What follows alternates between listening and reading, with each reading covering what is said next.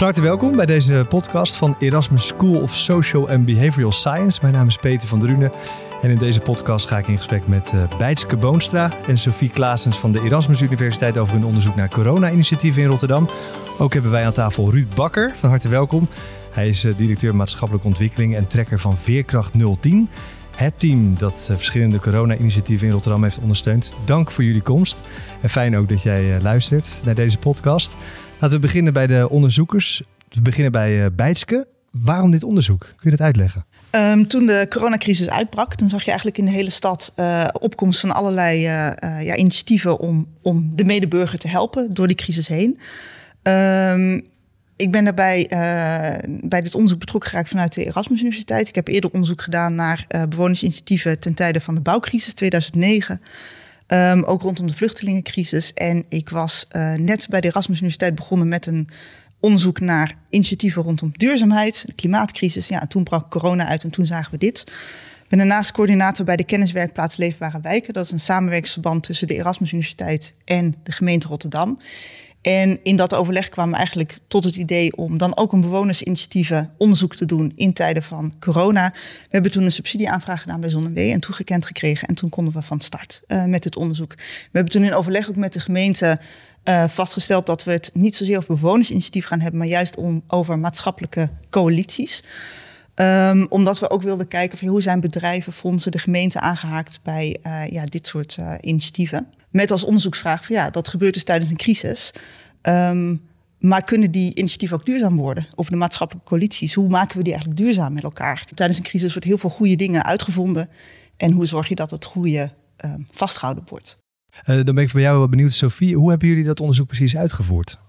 Um, nou, we zijn eigenlijk begonnen met eerst uh, alle initiatieven uh, die in coronatijd in Rotterdam zijn opgezet, om die in kaart te brengen. Um, dat hebben we gedaan aan de hand van het platform Rotterdam Zet Door. Van, uh, dat is opgezet door Rotterdamse partners in samenwerking met de gemeente. En um, de initiatieven die daar op werden gezet, waren heel gevarieerd. Het ging over dingen van bewegen en cultuur en meer vermaakdingen tot initiatieven omtrent eten en drinken vanuit de horeca, maar ook voedsel- en maaltijdinitiatieven. En um, die initiatieven, daar hebben we eigenlijk een lange lijst van gemaakt. Um, en daaraan hebben we nog initiatieven toegevoegd die we vanuit de gemeente uh, uh, te horen kregen en die niet op die lijst stonden. En we hebben ook nog lijsten bekeken van bijvoorbeeld fondsen die speciaal in coronatijd initiatieven hebben ondersteund. En um, ja, we kregen uiteindelijk een lange lijst van rond de 80 initiatieven. En um, daaruit hebben we een selectie gemaakt van initiatieven die wij echt dieper wilden gaan analyseren voor ons onderzoek. Uh, dus we hebben uiteindelijk 15 geselecteerd. En uh, van die initiatieven zijn we in gesprek gegaan met de initiatiefnemers in eerste instantie. En mag ik vragen, wat was het belangrijkste criterium om, uh, om, om, om ze te onderzoeken? Nou, we hebben eigenlijk gekeken um, ten eerste naar initiatieven waarbij er sprake was van coalities. Dus waarbij meer dan één partij -huh. betrokken was geweest. En waar het ging om een bepaalde vorm van solidariteit in de crisis.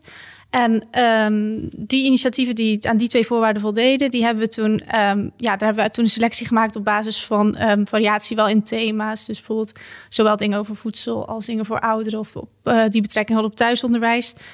En ja, hebben eigenlijk variatie geprobeerd aan te brengen, ook qua initiatieven die bijvoorbeeld plaatsgevonden in een wijk of initiatieven die meer stadsbreed waren. En ja, met die initiatiefnemers hebben we gesproken en aan hen ook gevraagd van zijn er nog partners die mee, die mee hebben gedaan jullie initiatief met wie we kunnen spreken. En die hebben we toen uh, daarna nog geïnterviewd. Dus dat waren dan vaak mensen van, of van de gemeente of van fondsen of van um, bijvoorbeeld bedrijven of supermarkten bijvoorbeeld die voedsel hadden gedoneerd. Ja, ja Ruud, uh, je bent ook aangeschoven. Wat is de meerwaarde van, uh, van dit soort initiatieven die veelal door Rotterdammers zelf in de grond gestampt zijn in coronatijd? Ik ga eerst even terug naar de maatschappelijke impact van corona.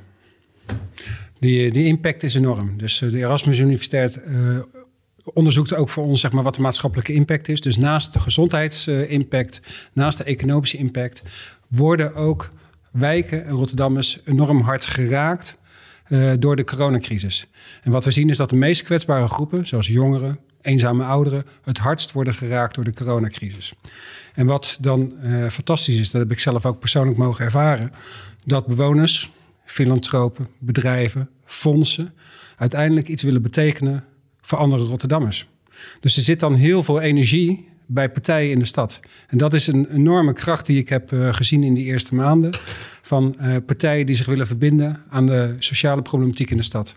Dus wij ondersteunen dit soort initiatieven van harte als uh, gemeente. en dan wil ik alleen maar even wijzen naar een, een van de mooiste gedichten van Jules Deelde. De omgeving van de mens is de medemens. En wat je hebt gezien in deze tijd, dat is solidariteit, het woord werd net al genoemd, maar ook die veerkracht van die samenleving, uh, die is goed. En wat we daarna, daarnaast hebben gedaan, samen met inderdaad Rotterdam Partners, het is niet alleen maar maatschappelijke initiatieven ondersteunen, faciliteren en versnellen, het is ook het goed in beeld brengen. En dat heb ik geleerd vanuit Manchester. Zijn we geweest om te leren van hoe ga je nu om met een crisis. En zij hebben een aanslag gehad. En wat zij daar heel bewust hebben gedaan is social media gebruiken om het gevoel van veerkracht in die samenleving naar voren te brengen. En dat is het eigenlijk wat we ook hebben gedaan met Rotterdam Zet Door. Een platform waar je ook die initiatieven die zo mooi zijn ook een podium geeft. Ruud, dankjewel voor de toelichting. Om ook de luisteraar een idee te geven van wat voor initiatieven jullie gesproken hebben, zijn we bij eh, twee corona-initiatieven langs geweest. Om ook aan hen te vragen hoe zij hun initiatief hebben ervaren. En natuurlijk ook om te kijken uh, naar de steun die er voor dergelijke initiatieven is. Daar gaan we even naar luisteren. We staan op dit moment bij het busstation Zuidplein in Rotterdam met Rieneke Kraai. Uh, Rieneke, jij bent een Rotterdamse ondernemer in de kunst- en cultuursector. Uh, samen met een andere ondernemer uit dezelfde branche, Joost Maaskant, zijn jullie in coronatijd een initiatief gestart genaamd Publieke Werken. Ook hier op het busstation Zuidplein is daar invulling aan gegeven. Kun jij kort toelichten wat het initiatief Publieke Werken inhoudt en hoe jullie op dit idee gekomen zijn? Nou, het was eigenlijk tijdens de eerste intelligente lockdown, alweer lang geleden, dat het ons opviel dat de hele stad eigenlijk wel vol posters hing, maar allemaal van uh, projecten die niet meer doorgingen. Dus het was heel erg treurig. Dat ik dacht, ja, dat is een kans om, uh, om de stad te vullen met kunst. Joost Maaskant, jij bent natuurlijk ook een van de initiatiefnemers van dit uh, mooie initiatief. wat voor reacties hebben jullie gekregen op dit initiatief nadat jullie het hebben opgezet? Ja, heel erg enthousiast. Dat was leuk. Ja, ik had een mooie schone taak om al die aanmeldingen te verwerken. En er kwamen er iets van 500, 600 binnen. Dus ja, het explodeerde gewoon. Ondertussen staan we bij Villa Vonk met Marijke Fontijn. En Marijke, je bent de voorzitter van Villa Vonk. Tijdens corona hebben jullie ook een initiatief op poten gezet. Um, dat is een kookproject voor alleenstaande senioren. Uh, kun je even kort vertellen hoe dat project ontstaan is en wat het precies inhoudt? Uh, het is ontstaan omdat we hier normaal maandelijks het uh, mee-eetcafé voor senioren hebben. Dat ging toen ineens in maart niet door, door corona. Toen hebben we besloten om dat thuis te gaan bezorgen. En een maand later deden we dat weer. Toen hebben we financiering aangevraagd bij het eh, Oranje Fonds en bij HL. En die zijn dat gaan ondersteunen. En toen zijn we dat twee, drie keer in de week gaan doen. Er zijn ook mensen die zich spontaan uh, aanmelden. Chef-koks van restaurants die nu niets te doen hebben. Maar ook andere bewoners die eerder niet in beeld waren... die zich spontaan hebben aangemeld om ook te gaan koken. We zijn net eventjes bij Villa Vonk geweest... om over het initiatief uh, te praten wat uh, vanuit Villa Vonk is opgestart. u bent er ook bij betrokken geweest volgens mij. Wat, wie bent u en wat is uw relatie tot het initiatief? Ik ben Edwin Smit. Ik ben technisch voorzitter van de gebiedscommercieel Vliet. En uh, wij zijn er in die zin bij betrokken dat wij een gedeelte van de middelen beschikbaar uh, stellen. Uh, waarmee de mensen, zou ik maar zeggen, aan de slag kunnen. wat voor steun hebben jullie gekregen vanuit gemeenten of misschien bepaalde fondsen of van bedrijven? Hebben jullie daar nog hulp bij gekregen bij dit initiatief? Nou, wat natuurlijk lekker is bij een project in crisistijd is dat er een soort haast is, waardoor dus iedereen meteen aanstaat. En toen hebben we eigenlijk veel steun gekregen. Dat is zowel van, de, van degene waar we de plekken hebben, waar we de posters gingen ophangen, maar ook een hele leuke drukker die, uh, die een hele goede offerte deed. En uh, nou, een aantal subsidiënten die mee gingen doen als Droom en Daad en de gemeente Rotterdam. Hoe belangrijk is die uh, steun aan zo'n initiatief als dat van jullie? Ja, heel belangrijk. Voor een gezonde maaltijd op tafel te zetten voor deze mensen blijft de financiering altijd uh, heel belangrijk. Ja. We hebben uh, het boodschappengeld uh, in het eerste deel van het project van het Oranje Fonds gehad. In het tweede deel van het project is het gebiedscommissie ons gaan ondersteunen. En voor de potten en pannen hebben we ook een keer van HLA Fonds een bijdrage gehad. Hoe zou jij het effect omschrijven wat dit initiatief heeft gehad op de wijk in zijn algemene zin? Het belangrijkste effect is dat je een signaleringsfunctie krijgt bij een uh, groep Uh, waarbij het op maandag nog heel goed kan gaan en vrijdag ineens niet meer. En als je, dat je een moment hebt dat je door kan vragen van... joh, heb je verder in huis nog wat nodig? Er zijn vaak veel meer dingen die geregeld moeten worden... dan alleen maar een uh, gezonde maaltijd. En wat denk je nou dat er voor nodig is om zo'n initiatief als dat van jullie... Zo goed mogelijk in stand te houden, ook in de toekomst? Nou, kunstenaars moeten het leuk blijven vinden. Dus die moeten werk willen blijven aanleveren. er is wat financiën voor nodig. Ja, nou ja, die steun hebben we eigenlijk wel gekregen. En kijk, het is ons werk om, en dat vinden we ook heel erg leuk, om die steun te behouden en, en uh, misschien een beetje uit te breiden. Maar in principe zijn wij behoorlijk goed gesteund, vonden wij wel. Ja, ik vraag me af of je dit vanuit uh, huizen kunt blijven doen. En of je niet gewoon ergens een locatie moet hebben waar dat je het op die locatie allemaal zou uh, kunnen koken en bakken. Ja, kijk, de stad zit een beetje op de koers. Uh, laat de gebiedscommissies het maar betalen en laat mensen vooral ook sponsors zoeken. de vraag is of dat terecht is en of een, een, stad als Rotterdam hier gewoon niet zijn verantwoordelijkheid in zou moeten nemen. Ja, Sophie, je hebt volgens mij alle initiatiefnemers gesproken. Is dit een beetje in lijn met, uh, met, met de andere gesprekspartners die je hebt gehad? Um, nou, wat je ziet is dat dit wel uh, ook heel, twee heel verschillende initiatieven zijn. Dus ene niet alleen qua, inhoud, maar ook qua uh, steun die ze hebben gekregen en de partners die zijn aangesloten. En uh, je ziet bij zo'n publieke werken um, dat daar veel partners zijn aangesloten en dat die blij zijn met de steun die ze hebben gekregen. Um, bijvoorbeeld, daar zijn fondsen aangesloten, stichtingen. Ze hebben ook geld gehad vanuit de gemeente, maar ook bedrijven. En zij zijn eigenlijk heel tevreden over, de, over die steun. Maar je ziet bij, uh, en dat zagen we ook bij andere initiatieven, bijvoorbeeld bij Help Digitaal. Dat ging over, die hebben tablets uitgedeeld aan ouderen in verzorgingshuizen. Die hebben ook, er zijn IT-bedrijven aangesloten, zelfs KPN is daarbij aangesloten maar ook de gemeente. En dat is eigenlijk de twee dingen die je ziet. Er zijn bedrijven die die steun echt uh, ja, te heel tevreden waren over de steun en veel partners hebben uh, weten mee te krijgen. En je hebt initiatieven zoals Villa Vonk, voor wie dat uh, een stuk moeilijker was. En die eigenlijk ja, tot op dag van vandaag nog steeds bezig zijn met hoe gaan we het rondkrijgen en hoe kunnen we voldoende financiering binnenhalen. Zo hadden we ook een kapperszaak in Kleiwegkwartier. Die is omgetoverd tot een voedselbank in de eerste coronagolf. En um, ja, hij heeft eigenlijk uh, eerst vooral eigen geld erin gestopt. En daarna uh, is hij wel bij supermarkten om voedsel gaan vragen en andere donaties. Maar eigenlijk uh, geven zij aan van dat het gewoon moeilijk is om partners te vinden en om steun te krijgen. En zij zijn bijvoorbeeld um, een van de initiatieven die zegt van ja, zouden vanuit de gemeente niet meer gedaan kunnen worden. Dus op dat gebied zie je wel echt een verschil tussen twee, uh, ja, tussen de initiatieven qua steun die ze hebben ontvangen. Dus ja. de ervaringen zijn op zich uh, van die twee initiatieven wel representatief voor de twee verschillende beelden die er zijn uh, ontstaan. Ja, nou, ik kom ongetwijfeld straks nog op terug, ook met Ruud. je voelt hem al aankomen, hè? daar gaan we natuurlijk met jou nog over in gesprek. Uh, Bijtsk en Sofie, jullie hebben in het onderzoek vooral coalities onderzocht, zeiden jullie al. Wat bepaalt nu dat zo'n coalitie ontstaat? Wat is daarvoor nodig? Uh, ten eerste hebben we gekeken naar hoe zijn die coalities eigenlijk samengesteld. Dus we hebben gekeken van wie zijn nou de belangrijkste initiatiefnemers. Nou, wat wij aantroffen was dat ondernemers in dit soort initiatieven een hele belangrijke rol spelen. Um, dat kunnen hele lokale ondernemers zijn, dus echt actief in de wijk of betrokken bij de wijk. Um, dat kunnen sociaal ondernemers zijn die al wat ervaring hebben in het bij elkaar brengen van, van um, ja, businessmodellen en mensen rondom uh, maatschappelijke vraagstukken. En we troffen ook creatieve ondernemers aan, zoals de initiatiefnemers van publieke werken. En daarna zagen we ook dat de maatschappelijke organisaties in Rotterdam een hele belangrijke rol speelden. Dus de welzijnsorganisaties, bewonersorganisaties, vrijwilligersorganisaties. Dat waren eigenlijk de belangrijkste initiatiefnemers. En daarnaast troffen we aan dat ja, de gemeente, maar ook de fondsen in de stad. We hebben een hele reeks uh, Rotterdamse fondsen, die hebben een belangrijke rol gespeeld. En ook bedrijven, die hebben um, ja, vooral een rol in de ondersteunende uh, vorm gehad ofwel door het kenbaar maken van de initiatieven, ofwel door financieel ondersteunen.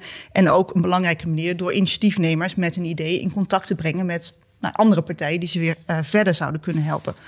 Nou, wat maakt nou dat zo'n coalitie dus inderdaad tot stand komt? Nou, wat wij aantroffen was dat heel veel op basis van uh, bestaande contacten uh, werd gedaan. Um, wij verwachten van tevoren dat we daar een soort van onderscheid in zouden hebben. Hè. Dus initiatieven die op, tot stand komen, bestaande contacten. Maar ook initiatieven die helemaal vanuit het niets dingen gingen opbouwen. Nou, die laatste hebben we eigenlijk bijna niet gevonden. Dus dan blijkt eigenlijk dat de netwerken in de stad en de contacten die je al hebt, uh, dat die echt ontzettend cruciaal zijn. En heb jij gewoon het telefoonnummer van iemand van de gemeente al in jouw telefoon staan? Van dat soort hele simpele dingen. Nou, die bestaande contacten die kunnen zowel informeel als formeel zijn. Dus je samenwerkingspartners die je in tijden van crisis opbelt van joh, kunnen we niet iets doen? Ehm, en dan is het inderdaad uh, uh, ja, de vraag um, of je dan de steun weet te regelen en je de, de mensen enthousiast kan maken voor je, voor je initiatief. Ja, dan kijk ik toch even naar Ruud. Hè. Hoe, hoe, kijk jij er tegenaan? Hoe belangrijk is de rol van de gemeente bij het vormen van zulke coalities om dit soort initiatieven in de stijgers uh, te helpen? Ja, die is, enorm, uh, die is enorm belangrijk, heb ik gemerkt. Omdat mm -hmm. wij toch vaak partijen kunnen koppelen die elkaar niet kenden. Zo heb ik Travel, uh, die kwam eigenlijk tot stilstand. Het vervoer van, uh, van mensen in de stad. Die hebben gekoppeld aan een voedselbank om voedselpakketten ook te leveren. Dus je hebt allerlei onverwachte combinaties die je kan maken. Dus we zijn bezig geweest met een project waar we 6000 laptops uh, voor kinderen uh, in gezinnen hebben geregeld. En vervolgens koppelen we daar weer een fonds aan of een, een, andere partij. Dus eigenlijk het matchen en zorgen dat die netwerken met elkaar worden verbonden, daar hebben we als gemeente gewoon een belangrijke rol in. Ja, en heb je het gevoel dat ze jullie in voldoende mate weten te vinden? Want uh, hè, dat hoor ik ook een beetje terug. De een heeft wel het telefoonnummer van, uh, van iemand binnen de gemeente, de ander niet. Uh, kun je daar iets over zeggen? Hebben jullie ja. gevoelsprieten? wij, wij hebben zeker een gevoelspriet. Kijk, en kijk, wij, wij financieren gewoon de welzijnsorganisaties. Dat zijn gewoon een verlengstuk van de gemeente. Ja. Wij hebben wijkteams op het vlak van zorg door heel de stad. 43 ja. wijkteams in deze stad. Wij hebben in iedere wijk wijkmanagers. -hmm. Dus hoe de, hoe de gemeente georganiseerd is, is al op dat wijkniveau. Ja. Uh, de discussie van is het nog stevig genoeg, zeker in crisistijden, die gaan we denk ik nog krijgen wat later in het gesprek. Maar onze oriëntatie is wijkniveau. Ja. En mijn project Veerkracht 010, dat was niet alleen ik. Daar zaten ook een aantal mensen bij die een uitstekend netwerk in de stad hebben. Daarom ja. heb ik ze ook in het team getrokken omdat ze daardoor die koppelingen konden maken tussen allerlei onverwachte partijen. Ja, en kun jij me uitleggen uh, dat, dat de rol van de gemeente bij het initiatief wat prominenter is dan bij het andere initiatief? Heb je daar een verklaring voor? Ja, daar heb ik wel een verklaring voor. Kijk, mm -hmm. wat we wel vragen van initiatieven, is dat ze nadenken over hoe ze het doen. En ik vraag ook wel van initiatieven dat ze een bepaalde ondernemerschap hebben. Dus het gaat ook een beetje, heb je, kan je de stad ook een beetje maken. Ja. En kan je je eigen netwerk creëren. En vervolgens zijn we ook nog eens bereid als gemeente om daar soms wat middelen, soms een contact, soms een netwerk aan toe te voegen. Ik zie jou knikken, Bijsje. Ja, dat klopt. Ja. Ja, ja, ik, heb daar, ik heb daar op zich nog wel iets aan toe te voegen. Want, ja. want um, kijk, wat je in de, in, ook in die eerste fase van de crisis zit, is dat de, um, uh, de formele instanties eigenlijk wat tijd nodig hebben om zich he, aan te passen aan, um, aan de nieuwe situatie. He, eerst allemaal vanuit huiswerken en dan weer nadenken van ja, hoe hou je die relatie met de stad dus wel in stand. En wij zagen daar eigenlijk allerlei informele initiatieven tussen springen. Die springen in, het, uh, nou ja, in de leegte die dan, uh, die dan staat. En dat is een heel normale reactie ten tijde van een crisis. Hè? Dat de samenleving um, als eerste uh, aan, aan bod komt om de eerste nood te ledigen. En dat daar eigenlijk de formele organisaties wel snel, maar eigenlijk achteraan komen. Um, wat we hebben ook discussie over dit onderzoek gehad met de Veldacademie, die een vergelijkbaar onderzoek heeft gedaan naar Bospolder Tussendijken. Maar die hebben echt heel erg in een specifieke wijk gekeken en naar echte bewonersinitiatieven. Um, en uh, wat die aantrof was dat daar ook eigenlijk heel veel op basis van bestaande contacten ging. Maar dat dat dus ook ertoe kon leiden dat mensen die eigenlijk niet zo goed genetwerkt waren, Um, dus veel moeilijker toegang kregen tot hulp. Dus ik onderschrijf alles wat, uh, wat Ruud net zei. Daarom zat ik ook te knikken van ja. die, die lokale voelsprieten, die zijn ontzettend belangrijk. Um, en tegelijkertijd denken wij van ja, dat zou eigenlijk, hè, als je nu nadenkt van wat kunnen we leren uit deze crisis. Nou, ten eerste dat dat dus ontzettend belangrijk is. En ten tweede dat daar wellicht nog veel meer in te investeren is. Um, om ja, te voorkomen dat er nou, allerlei vormen van uitsluiting komen. Mocht er weer een nieuwe crisis of mocht de crisis uh, nou, zich verder ontwikkelen. Dus ja, ik onderschrijf het wat, ja, wat, ja. wat, Ruud zegt. En tegelijkertijd heb ik ook zoiets van ja, dat, maar dat blijft dus een lange termijn investering die je als stad moet blijven doen. Om dat blijvend te versterken. Ja, en je zou misschien die organisaties wat meer kunnen helpen uh, met een uh, soort van vraagwijzer. Hè? Waar kun je terecht voor meer steun of om, om je organisatie op poten te krijgen, zoiets? Ik denk dat het, dat het, dat het goed is om um, um, ja, breed bekend te hebben um, waarvoor je de bijvoorbeeld de gemeente kunt benaderen en ook hoe je ze kunt benaderen. Uh, want dat vonden wij nog wel bij veel initiatiefnemers uh, naar voren komen. Dat ze dus de gemeente benaderden omdat ze al contact hadden met inderdaad Ruud of de mensen van zijn team. Um, en um, ja, we hebben ook een aantal initiatiefnemers uh, gesproken die, ja, die geen contact met de gemeente hadden gehad. En ook eigenlijk wel een beetje verbaasd reageerden op ons. Van, oh, hadden we dat dan kunnen doen? Ja, ja. Dus daar zie je ja. inderdaad wel een soort van ja, tweedeling. Dat het toch voor, ook voor uh, sommige initiatieven best lastig was om die weg inderdaad uh, goed te vinden. Ja, Bijtske en Sophie, richt ik me even tot Sophie. hoe gaat het nu met de initiatieven? Jullie hebben ze natuurlijk gesproken, jullie hebben het onderzoek gedaan. Met andere woorden, hoe duurzaam blijken deze initiatieven? Um, nou, wat wel opvallend is dat eigenlijk uh, ja, best een groot deel van de initiatieven nu nog steeds bestaat. Terwijl dat in eerste instantie uh, niet altijd uh, de bedoeling was. Veel initiatieven die zijn rond ma maart of april aan het begin van de crisis opgestart met de intentie dat misschien een paar weken, misschien maanden te doen. En ja, mede doordat de crisis nu nog steeds voortduurt, um, bestaan veel initiatieven, of een groot deel van de initiatieven, bijna de helft denk ik, nu nog steeds. En is er ook een deel dat um, om andere reden gestopt is, maar eigenlijk wel door had willen gaan. Dus bijvoorbeeld gestopt moet zijn omdat ze geen uh, financiering meer hadden of geen middelen meer hadden of omdat er geen vrijwilligers meer beschikbaar waren. Er zijn natuurlijk ook initiatieven die gewoon gestopt zijn omdat ze uh, ja, gerelateerd waren aan een bepaalde fase van de crisis. Um, en ja, nou die, die zijn dan gewoon gestopt. Maar er zijn ook uh, initiatieven die, um, zoals de maaltijdservice van Villa Vonk, die we daarnet hoorden. Ja, daar blijkt gewoon dat er een grote vraag naar is. En dat die kwetsbare bewoners die zij helpen, dat, dat, uh, ja, dat die gewoon hulp nodig hebben en blijven nodig hebben. En misschien zelfs wel ook na de crisis nog steeds uh, die hulp nodig hebben. Want we zien ook dat uh, dit veel, um, ja, dit, dat, de, dat deze crisis ook veel dingen heeft blootgelegd die eigenlijk al langer speelden en ja. die nu aan ja. het licht zijn gekomen. En daardoor heb je ook zo'n voedselbank waar ik het daar net over had, of tenminste uh, die kapperszaak die eigenlijk een soort van voedselbank hm. begonnen was, die zegt ook van ja, wij willen hier na de crisis mee doorgaan. Want we zien gewoon dat dit iets is wat ook buiten de crisis omspeelt en we willen deze mensen helpen. Dus ja. een deel van de initiatieven, ja, die gaat wel die is in ieder geval wel van plan om uh, door te gaan. Dat hangt dan natuurlijk vaak af van de financiering en de vrijwilligers en de middelen die ze hebben. Maar ja. zien wel dat veel dingen langer duren dan uh, in eerste instantie de bedoeling was. Nou, wat je net noemde, die signalerende functie. Hè? Veel onderliggende problemen worden nu blootgelegd. Um, dat zie je natuurlijk bij uh, bedrijven met onderliggende problemen, die vallen als eerste om. maar ook veel mensen met onderliggende problemen, ja, die, die komen als eerste in de, extra in de problemen door de coronacrisis. Kun je daar nog op reageren, Ruud? Uh, hoe, hoe je dat kan bestendigen? Nou, kijk, volgens mij de lijn, die we al, uh, de lijn die we al in hebben gezet en die we zeker gaan versterken, is de kracht van de wijk. En volgens mij is Bospolder Tussendijk is daar een prachtig voorbeeld uh, van. Mm -hmm. We kunnen als overheid of als gemeente allerlei dingen gaan organiseren. Maar hoe mobiliseer je nu bewoners zelf? Mm -hmm. Hoe organiseer je ook eigenaarschap? En dat is een beweging die we in uh, Bospolder Tussendijk met name hebben ingezet. En hoe gaan we dat ook verbreden naar de rest van de stad? Dus denk niet dat je alles vanuit het timmerhuis of het stadhuis kan bedenken. Maar zorg dat je je goed organiseert op het wijkniveau en betrek vooral bewoners. We zijn ook bezig met, uh, met een aanpak van jongeren in het, in het kader van corona. En wat we hebben gedaan, we zijn de wijk ingetrokken om met jongeren in gesprek te gaan. Dus de wethouder is ook mee geweest. Dus we kunnen wel allerlei dingen bedenken. Maar ga nou in gesprek en hoor eens hoe zij de tijd beleven en waar ze behoefte aan hebben. En vervolgens kijk eens hoe je daar invulling aan kan geven. Dus wat, wat wij leren als, als gemeente ook van, uh, van deze tijd, van hoe maken we nog nadrukkelijker die stap naar die samenleving, naar die wijken en naar die bewoners. Ja, wat kunnen jullie vanuit de gemeente doen om ervoor te zorgen dat dit soort initiatieven uh, langer blijven bestaan? Om ze langer in leven te houden of misschien wel zo duurzaam te maken dat het gewoon kan voort blijven bestaan? Een beweging die we al in hebben gezet is echt uh, geloof in de kracht van de wijk. En versterk zeg maar die, de lokale gemeenschap. Dat, is de, dat hebben we gedaan in een aantal wijken, onder andere uh, Bospolder Tussendijken. Uh, wat we hebben geleerd van als je echt die uh, bewoners betrekt, als je ernaar luistert en vervolgens ze ook nog eigenaarschap geeft voor een deel van de oplossing, dan mobiliseer je eigenlijk ook een deel de kracht van de stad.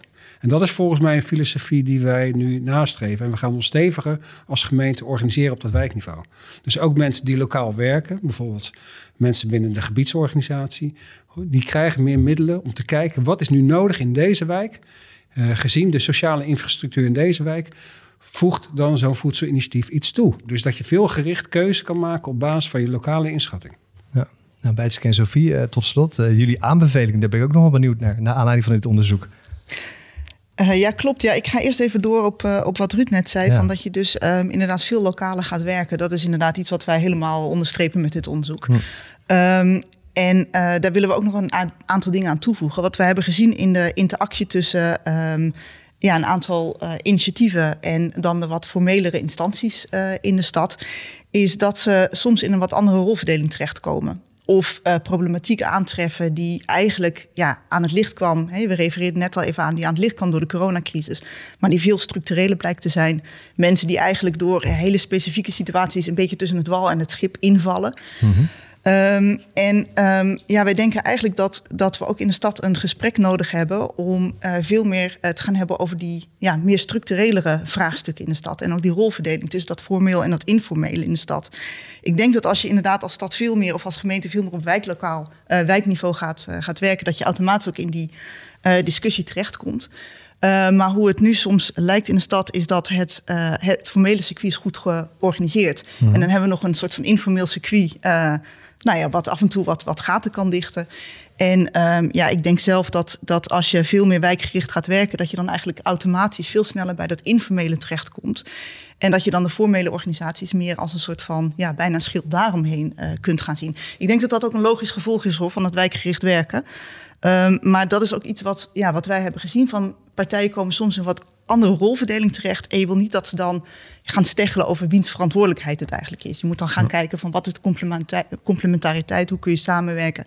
En hoe kan je dus inderdaad die coalitie dus duurzaam maken. Um, andere aanbevelingen um, um, ja, is inderdaad dat, dat heel erg dat blijven investeren in, het, uh, in, het, uh, in de netwerken van de wijk. Uh, wat we ook hebben aangetroffen is dat veel mensen zeiden van... Uh, joh, tijden van crisis kun je opeens heel uh, improviserend werken. Hè? Alles onder druk wordt vloeibaar. Um, door de hoge nood konden we wel even ja, onze procedures even aanpassen. Met dien verstande dat wij merken dat dat nog steeds in de lijn is van onze doelstellingen. Hè? Dus niet ineens je doelstellingen omgooien, maar gewoon even ja, wat, wat meer improviseren. Omdat je denkt van ja, dit draagt wel degelijk bij... Um, um, maar we gaan het allemaal niet zo uh, bureaucratisch aanpassen. Dat uh, zijn ook dingen die bijvoorbeeld vanuit de fondsen werden gezegd. Van ja, we hebben normaal vier subsidierondes per jaar. En wacht maar op de volgende ronde. Um, ja, eigenlijk veel flexibeler daarmee omgegaan. En ja, we hebben wel het idee dat dat een bepaalde meerwaarde voor de stad heeft. Dus dat je eigenlijk veel adaptiever, veel sneller kunt reageren op noden die zich aandienen. Of het nou crisis is of niet. Um, ik denk dat dat ook iets is wat uh, vanzelf aan bod gaat komen als je meer uh, wijkgericht gaat werken. Maar dat vraagt ook wel iets van mensen die daarbij betrokken zijn. Dus dat vraagt een, een bepaalde ja, improviserende werkwijze. Um, die uh, binnen formele instanties soms best nog lastig um, vorm te geven is. Dus dat is een andere aanbeveling die we graag willen doen. Dat daar ook echt nou, goed over nagedacht wordt. Um, wat voor werkwijze hoort daar nou bij? En hoe kun je dat ook als onder andere als overheid, maar ook voor de andere instanties in de stad, hoe kun je dat faciliteren? Ruud, kun je hier iets mee? Ja, uiteraard. Uh, ik denk dat het hele mooie uh, aanbevelingen zijn die passen in de richting die we als gemeente in willen slaan. Dus ik heb al aangegeven dat mijn team Veerkracht 010, daar zitten een beetje de, de zwarte zwanen, de witte raven van de gemeente. Dat zijn een beetje de mensen die uh, opereren op, op de grens van organisatie en samenleving. Uh, bijzondere mensen met veel creativiteit, groot netwerk. Uh, dit zijn wel de voorboden zeg maar, voor de moderne ambtenaar. Dus ben jij in staat op dat lokale niveau partijen te verbinden met elkaar? En weet je daar ook nog eens andere partijen aan te verbinden? Dus uh, dit is de richting van de gemeente. Dus een moderne ambtenaar schakelt vanuit het lokale maatwerk. En die gaat niet vanuit allerlei stedelijke regelingen alleen maar zijn ding, zijn of haar ding doen. Maar die, die schakelt. Is dat een bevredigend antwoord? Zeker, zeker. Ja. Oké, nou dat, uh, dat was hem dan. Hè? Dankjewel Ruud. En daarmee sluiten we deze podcast af. Ik wil nogmaals bedanken Bijtske Boonstra en Sophie Klaasens, onderzoekers aan de Erasmus Universiteit. En Ruud Bakker dus, directeur maatschappelijke ontwikkeling en trekker van Veerkracht 010. Uiteraard ook dank aan jou voor het luisteren. Mijn naam is Peter van Drunen. Dit was de podcast van Erasmus School of Social and Behavioral Science.